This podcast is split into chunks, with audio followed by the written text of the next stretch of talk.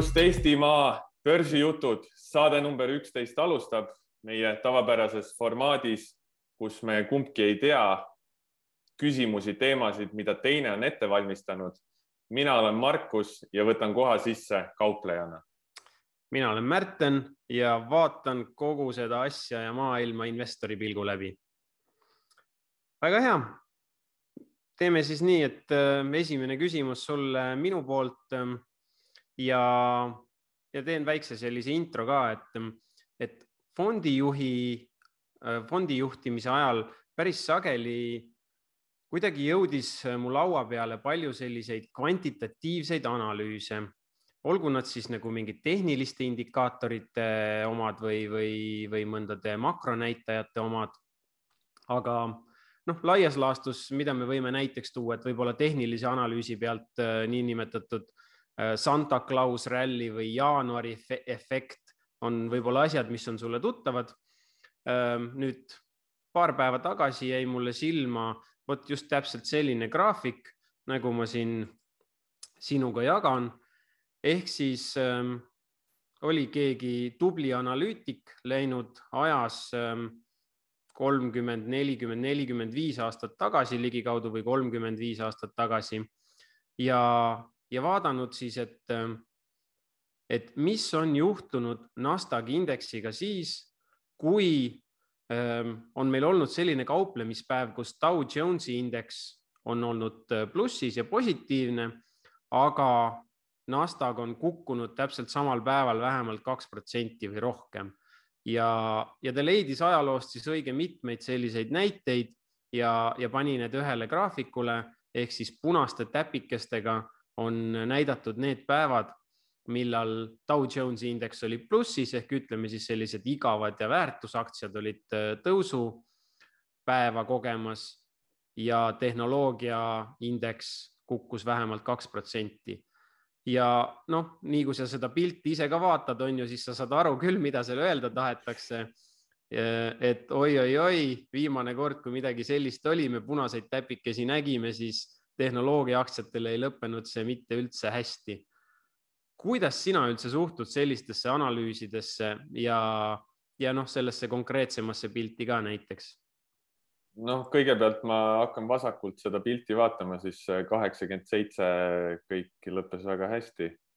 kohe peale seda punast täppi siin nii et äh, siin ja, ja, ja samas, kui nüüd vaadata siin seda üheksakümnendate lõpu siin ilmselt mingi üheksakümmend kaheksa, esimene punane täpp on ka veel kõik väga hästi ja liigume mm -hmm. ju ülespoole veel mm. -hmm. sellepärast selline väga pikaajaline graafik ja analüüs, et ma noh, ma ei oskaks selle kohta teha otsust tänaseks, homseks või selleks nädalaks.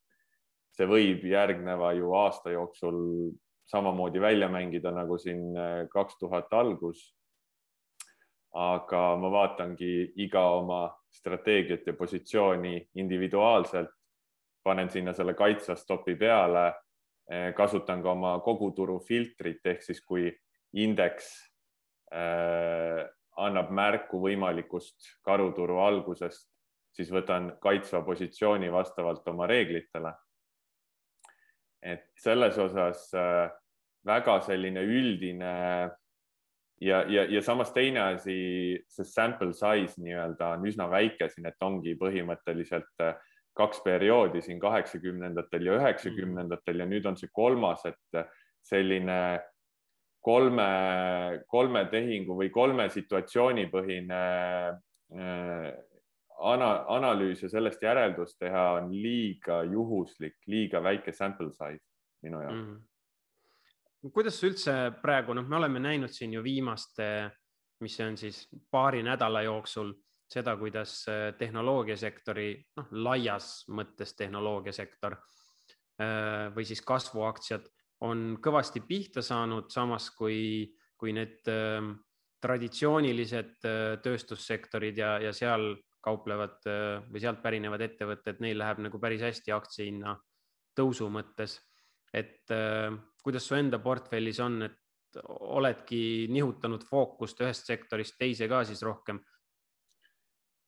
olen mingil määral, samas siin on nüüd see, et kuigi ma ise andsin veebruari lõpp, märtsi algus oma pikaajalistelt tehnoloogiatrendidelt päris palju lahtist kasumit tagasi, siis see on ootuspärane, sellepärast et need trendid algasid pea aasta aega tagasi.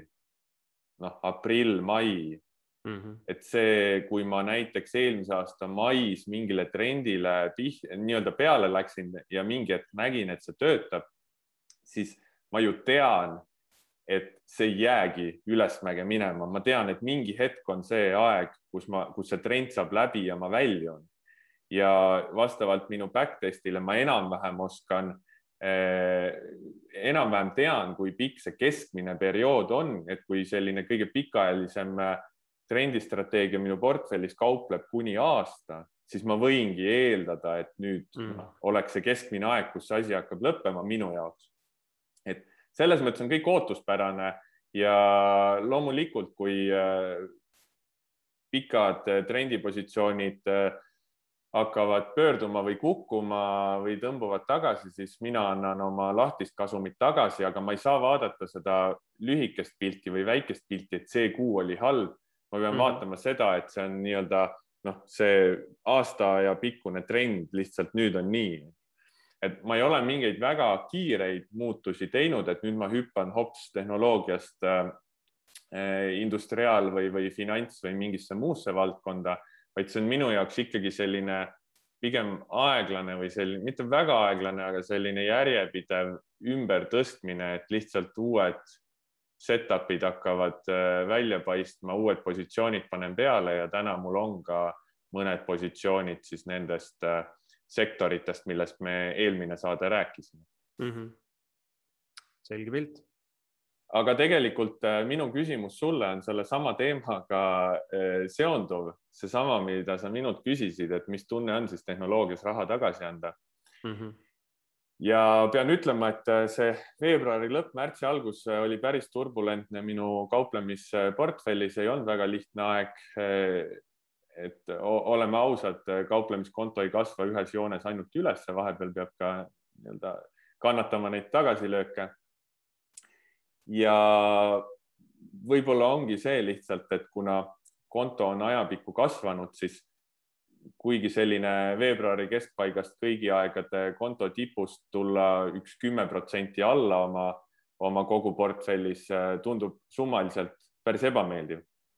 Kuigi see on ootuspärane ja ma tean, et see on aja küsimus, millal mu portfell võib kahaneda ka kakskümmend protsenti ajutiselt, enne kui ta jälle taastuma hakkab mm. -hmm. minu küsimus sulle on see, et ma mõtlesin selle peale, et kuidas sina investorina talud neid drawdown'e või, või siis konto kahanemisi raskematel aegadel, kas sa valmistud, valmistad ennast ette selleks kuidagi, kas sul on mingid meetodid, mingid soovitused, kuidas neid raskeid aegu üle elada nii-öelda emotsionaalselt, psühholoogiliselt või sa üldse ei vaata, mis toimub või noh, kuidas sina haldad iseenda jaoks neid drawdown'e? No ei tasu nagu mingi enesepettusega tegeleda, et äh, me kõik vaatame oma kontoseisu, on ju, mõni vaatab päevas viis korda, teine vaatab kuus äh, viis korda, aga noh, me kõik vaatame seda ja ma olen leidnud mingid asjad, mis minu jaoks töötavad väga hästi. Ehm, esimene asi mida ma alati räägin ka alustavatele investoritele, on see, et ehm, vaata, missugused on olnud, on olnud kalendriaasta tootlused ajaloos. ehk siis, kui me lihtsalt vaatame neid kalendriaasta tootlusi, ma ei tea, viimase viiekümne aasta jooksul, siis me saame aru, et ehm, miinus kakskümmend viis, miinus nelikümmend viis on täitsa reaalselt laua peal. Ja, ja mis kohe juhtub, kui sellist infot nagu nii-öelda seedida natukene, on see, et see, see pilt läheb laiemaks ja, ja see nii-öelda see võimaluste vahemik ka, mis sa arvad, et mis on realistlik ja, ja tõenäone. Ehk siis, kui see langus tuleb, siis minu arust on kuidagi lihtsam seda seedida, kui sa tead, et minevikus on midagi sellist juba juhtunud. aga puhtalt oma portfelli pealt. no nüüd on see koht, kus need dividendiaktsiad, no ma lihtsalt vaatan, ma hõõrun käsi iga kord, nii kui see langus tuleb, sellepärast et mulle meeldib hästi mõõta seda, kui palju mul dividenditulu siis kasvab või kui palju ma iga ostuga seda dividenditulu omal suurendan ja, ja nii kui mõni aktsia, mis on minu portfellis või ka ETF hinnas langeb, siis ma kohe näen, et ohoo, et minu oodatav ostuhetke dividendimäär ja dividenditulu on selle võrra kõrgemad ja tekib kohe see vastupidine efekt, et nüüd on soodushinnad, on ju, ja, ja hea meelega ostaks. Et vot tavaliselt nagu räägitakse kogu aeg, on ju, et aktsiaturgudel nii kui hinnad langevad, siis keegi osta ei taha, aga kui poes on soodukad, siis kõik tahavad. et mul ongi tunne, et, et nii kui dividenditulu vaatepunktist seda mõõta ja vaadata, siis see mentaalne shift on hästi kerge tekkima, et ohoo, nüüd ongi soodukas, ma saan sama raha eest soetada rohkem tulevast rahavoogu mm,. okei okay., aga, aga ma mõtlen, kas sul on ka selliseid mingeid äh, siis oma Exceli väliseid meetodeid, kuidas siis ennast äh, rahustada või, või hallata a la lähed välja jalutama või äh, teed hommikul peegli ees prep talk'i ja valmistad ennast ette või, või kuulad mingit motivatsiooni podcast'i. mõtlen, et noh, sellisel keeru-, näiteks eelmise aasta märts on ju, et selline väga keeruline aeg ilmselt, kus kõik kolinal kukub no siis kõige rohkem kasu mulle oli sellest, et ma arvutasin ehk ma arvutasin läbi, mis siis, kui ütleme, et turg oli, nii kui turg tervikuna kukub kakskümmend, kakskümmend viis protsenti, siis see on tavaliselt minu esimene selline suurem ostukoht, kus ma vaatan ja hindan olukorda. ja, ja siis see miinus kakskümmend viis oli loetud äh, päevadega või nädala pooleteisega meil kätte tulnud ja siis ma hakkasingi arvutama, et nii, mis siis, kui siin on põhi? kas ma olen rahul selle portfelliga, mis mul on, mis siis, kui siit tuleb miinus kakskümmend edasi? kas ma olen rahul või ei ole? ja, ja vastavalt selle peale mängides läbi erinevaid selliseid stsenaariumeid, siis äh, kuidagi saabus see meelerahu ja kindlus, et, äh, et mul on täitsa mugav siit ähm, languse pealt osta ja osta ennekõike siis neid asju, mis on mu portfellis olnud ja töötanud maru hästi ehk tugevaid ettevõtteid. ja, ja punkt kaks, selliseid ettevõtteid, mida ma olen ammu tahtnud, aga mis on kogu aeg justkui tundunud, on ju väärtussuhtarvude mõttes kallid. et neid oli nagu julge ja, ja mugavam osta kui mingisuguseid uusi selliseid riskantseid positsioone, kus ma ei tea, laenukoormus on suur või on täielik lockdown kõvasti mõjunud. okei okay kuule, aga natukene võib-olla seotud sellesama portfelli väärtuse kõikumise küsimusega, siis ähm, küsimus, mida ma juba ammu tahaks, tahtsin sinu käest küsida ähm, ja, ja mõttesse tuli see siis, kui me rääkisime möödunud aasta tootlustest ja tegime natuke kokkuvõtet, et ähm, tahakski teada, et sina kui kaupleja on ju, et sul on kindel suurus portfellil, mille baasilt sa arvutad omal siis neid positsiooni suurusi, riski ja nii edasi. aga eelmine aasta oli päris helde, ma sain aru, et ligikaudu pluss viiskümmend tegi sinu portfell. Ja, ja no minu küsimus ongi, et noh, võtame lihtsustatult, et sinu portfell on küll suurem, aga ütleme, et kaupleja toimetas saja tuhandese portfelliga, see kasvas saja viiekümne tuhande peale. Et kas nüüd siis sellest hetkest alates kõik sinu positsioonid on proportsionaalselt suuremad, riski rahalises mõttes võtad proportsionaalselt suuremana. kuidas see adjust imine käib või sa jätad oma kauplemisportfelli paika, on ju sinna saja tuhande peale näiteks ja muu rahaga on jolo ja pidu või kuidas see su loogika on?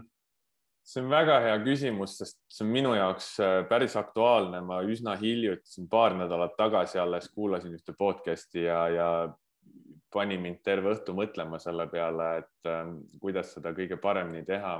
ja eks ma ikka mõtlen neid asju pidevalt üle, et ma midagi, et mul midagi märkamata ei jääks, mis võib nii-öelda ohukoht olla siis kogu kauplemissüsteemile, et midagi järsult katki ei läheks siis turuolukorra muutudes aga minu üldine põhimõte on see, et kui ma eh, ühele kauplemisidéele riskin ühe protsendi oma eh, portfellist või kauplemiskontost mm, -hmm. siis ma kord nädalas arvutan selle ühe protsendi mm -hmm. ja võtan arvesse ka lahti oleva kasumi.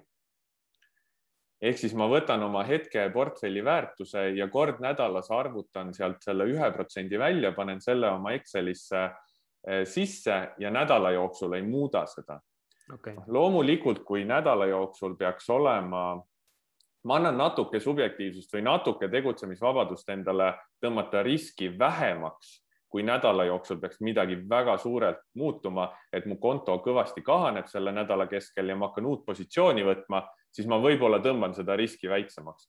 minu põhimõte on see, et, et kui minu strateegiad on turuga mm, vähem sünkroonis ehk, ehk mul asjad ei tööta hästi, siis mm -hmm. ma tõmban riski vähemaks ja kui asjad töötavad, strateegiad toimivad, siis panen riski juurde see on natuke võib-olla jälle investoritele nagu vastandlik. et kui hind kukub, tahetakse nagu rohkem riski võtta, rohkem osta. minul on see mõnes mõttes nagu vastupidi. et, et ma võtan pigem riski siis, kui ma näen, et asjad töötavad ja mm, -hmm. ja positsioonid liiguvad mulle sobivas suunas. Ja mis mind on viimasel ajal mõtlema pannud selles osas, on see, et see iganädalane arvutus ei tohi olla selline liiga agressiivne või liiga kiire, et et üks kaupleja andis hea mõtte, et tema võtab nagu sellise pikaajalisema tsükli, ta on muidugi ka pikaajalisem trendikaupleja, aga tema võtab võib-olla kord poole aasta või isegi aasta jooksul, kui ta on mingid kasumid juba kinni pannud, siis arvutab selle nii-öelda closed equity peale. Sellepärast, et kui tal on mingi hea periood ja, ja turg volatiilselt näiteks liigub temale sobivas suunas, et ta ei võtaks nende uute positsioonidega kogu aeg liiga palju riski, et ta lõpuks kasvatab selle kogu portfelli riski ülisuureks. et näiteks mul Bitcoin hullult tõuseb siin on ju, mitmekordistab ennast ja siis ma võtan nagu aktsiates sellepärast palju rohkem riski on ju. Mhm. et see on midagi, mida mõelda. hetkel ma hoian seda kord nädalas üks protsent arvutust, aga ma natukene pigem võtan vähem riski kui rohkem aga sul seda vist ei ole, on ju seni olnud, et sa peaks ähm, kauplemisportfellist kasumit välja võtma nii-öelda elamise tarbeks? Äh, hetkel mul on veel jah, säästud oma varasemast ettevõtlustegevusest, mida ma ei ole kõike kauplemiskontole pannud. Ma arvan, et äh, üks aasta pärast ma pean hakkama mõtlema selle peale, et aga ma olen natukene mõelnud ja ilmselt hakkan kord kvartalis võtma elamiseks siis kauplemiskontolt raha, kui, kui mul mingeid muid sissetulekuid nagu hetkel on, muid sissetulekuid ei ole mm. -hmm. selge pilt. minu käest küsis hiljuti nõu üks noor pensionär, üks inimene, kes hakkab pensioniikka jõudma ja kuna hetkel see märtsi lõpuga on selline deadline ja otsustuskoht ka paljudele, et kas võtta oma teine sammas välja või mitte.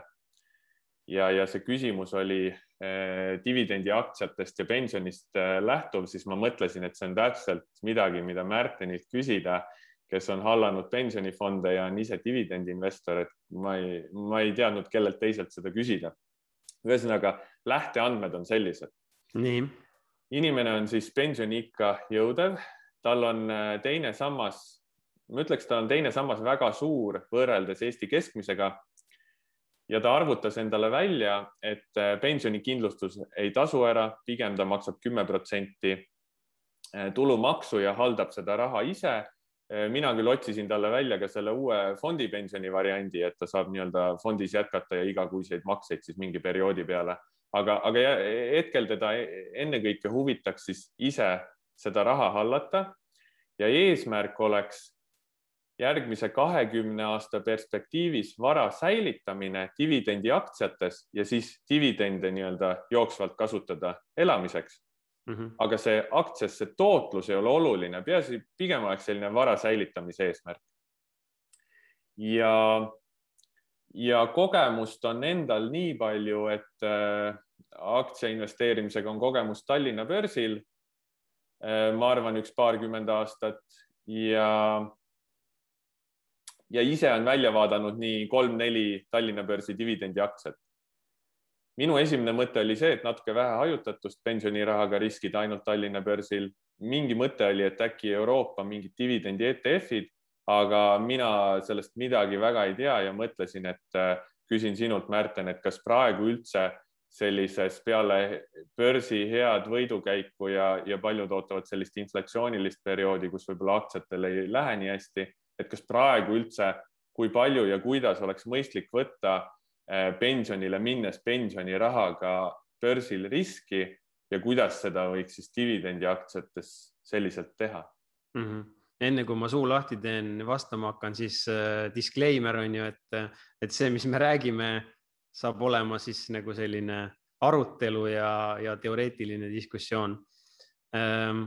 no esimene asi kogu selle pensionifondindusega täna on see, et, et kui vähegi võimalik, siis ei ole mõtet endale sõrme lõigata sellega, et, et maksta tulumaksu. hea küll, kui ta on sellises eas, et ta saab juba välja sellest teisest sambast kümneprotsendilise tulumaksuga, tulumaksukohustusega, et see on juba noh, poole parem on ju, kui, kui standardlahenduses et, et kakskümmend protsenti tuleb maksta. aga ma siiralt nagu mõtleks selle, selle peale, et meil on olemas nüüd selline asi nagu pensioni investeerimiskonto, kus me võtame teise samba varad, kanname need pensioni investeerimiskontole ja saame siis ise hallata seal neid varasid. ja nüüd see on päris hea küsimus, et nagu fondipension on nüüd asi, mis on ju, on meil ka kättesaadav, et iga kuu, kvartal või aasta müüakse fikseeritud summa fondi osakuid ja kantakse raha sulle pensionärina nii-öelda elamiseks. et aga ma isegi ei tea, et kuidas pensioni investeerimiskonto puhul see käib, et kui sa juba pensionieas oled, et, et kas siis on võimalik sealt samamoodi väljamakseid teha ilma teisest sambast lahkumata. et äh, täitsa huvitav aspekt, tahaks ise ka uurida, aga noh, see oleks mu enda mõte, et, et kui seda raha kohe vaja ei ole, siis ähm, ja sa tahad ikkagi seda edasi kasvatada, siis nii kui sa väldid äh, maksude maksmist täna kohe, siis äh, sa saad ju investeerida suurema poti pensioni investeerimiskonto lahendustega täna peale LHV keegi veel välja tulnud ei ole. aga, aga see, noh, need andmed, mis, mis täna olemas on, et noh, päris mõistlikud äh, kulude tasemed on seal. et see on kõige olulisem asi ka, kui hakata ise oma vara haldama, et, et kuludega kuidagi noh, niimoodi väga laristavalt ei peaks ümber käima, ehk siis saaks kuluefektiivselt investeerida. ja ja sinu küsimuse teine pool, et nagu varaklassid ja hajutatus ja nii edasi, siis ähm, noh, kui täna vaadata sinna üksikaktsiate poole peale, siis ähm, me teame statistiliselt, matemaatiliselt vähemalt kümme, kaksteist positsiooni annab sulle kaheksakümmend protsenti hajutatusest. Ehk mina näiteks äh, võtaks äh, selle omale selliseks võrdlusbaasiks ja sihtmärgiks, et vähemalt kümme erinevat positsiooni.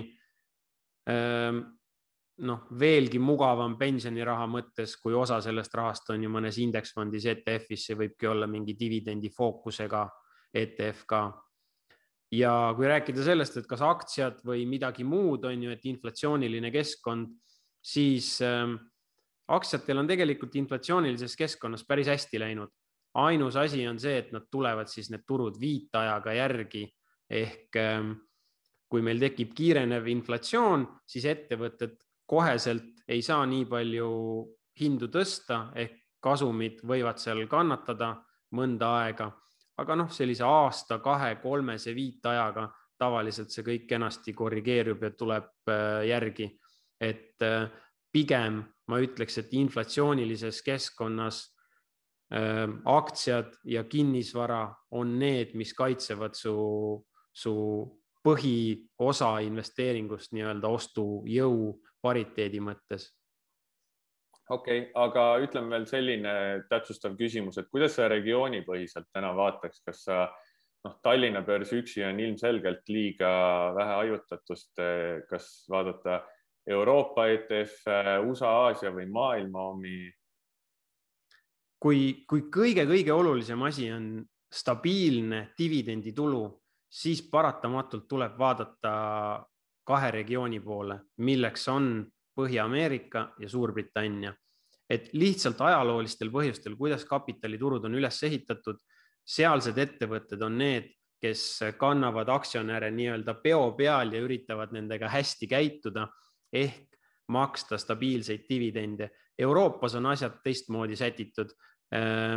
Ehk siis enamus ettevõtteid, kes vajavad lisakapitali, seda saadakse pankadest ja, ja pangad on need nii-öelda tüüri juures, kellele üritatakse siis meelepärased olla, mis tähendab seda, et kui pank ütleb, et, ähm, et äh, tõmba oma dividendimaksed veits koomale ja teeninda selle eest laenu, siis Euroopa ettevõtted valdavalt ja Balti regioonis samamoodi kohe reageerivad selle peale. USA-s pigem on ju see finantseerimine ja Kanadas ka on kapitaliturgude keskne ja, ja tavaliselt üks ja sama pensionifond, üks ja sama kindlustusfirma omab sul nii võlakirju kui aktsiaid ja, ja siis üritatakse balansseerida seda, et, et need investor huvid oleks kenasti kaitstud ja tasakaalus ehk justkui nende rahavoogude mõttes hoitakse investoreid äh, paremini. et ma pigem jah, vaataks siis sinna kas ainult USA või siis ka lisaks Kanada, Suurbritannia, veidi nagu Austraalia ka, aga, aga noh, seal on jälle võib-olla mingid sektoriaalsed mured, et väga palju maavarade ja, ja finantssektori aktsiaid indeksites. okei okay., väga head mõtted kuule, aga küsin lõpetuseks ühe natuke teistsuguse küsimuse, et ähm, meil on jälle selline erakordne aeg, kus äh, pisut keeruline on sotsiaalseid kokkusaamisi korraldada, trennis käia meelelahutusvõimalused on piiratud, et ähm, ja noh, meil kahel eriti, me mõlemad istume kodus ninapidi arvutis äh, küsimus, et kuidas sa hoiad oma, oma nii-öelda vaimu korras ja, ja kuidas sa hoiad seda teotahet praegu üleval, et ikkagi jätkuvalt äh, vaadata tulevikku ja, ja sellise helge pilgu ja lootusega? Tead, nii kui ma näen, et õues päike paistab, siis ma löön kaane kinni ja tõmban riided selga ja lähen õue kas jalutama, jooksma, trenni tegema, panen podcast'i peale, kuulan mingit äh, kauplemisalast, investeerimisalast äh, juttu ja siis mul jälle veri käib, hea on olla, ilm on ilus. Ja mõtlen tuleviku peale, et üks-kaks-kolm kuud veel ja siis on suvi ja paremad ajad on ees, et äh, keegi kuskil ütles hästi, et õnn on see, kui tead, et tulevik on parem kui minevik, nii et ma olen kogu aeg õnnelik iga päev ja ega muud ei olegi, harjumused, head harjumused, hommikul ärkan, jääkülm dušš, kohvi, tuju on juba parem. eks ma suhtlen ikka noh, sõpradega ja, ja perega, kas siis äh, video vahendusel või saab vahel kokku ka, kas siis õues või kuskil väiksema seltskonnaga. Et äh, lihtsalt tegelen oma asjadega ja hoian äh, positiivset äh, vibe'i. -hmm. aga kuidas sa ise? Äh, mul on samamoodi, et mul on mingid hommikurutiinid välja kujunenud, mille läbitegemine on siis selline kuidagi hea ja, ja, ja stabiliseeriv, ütleme nii.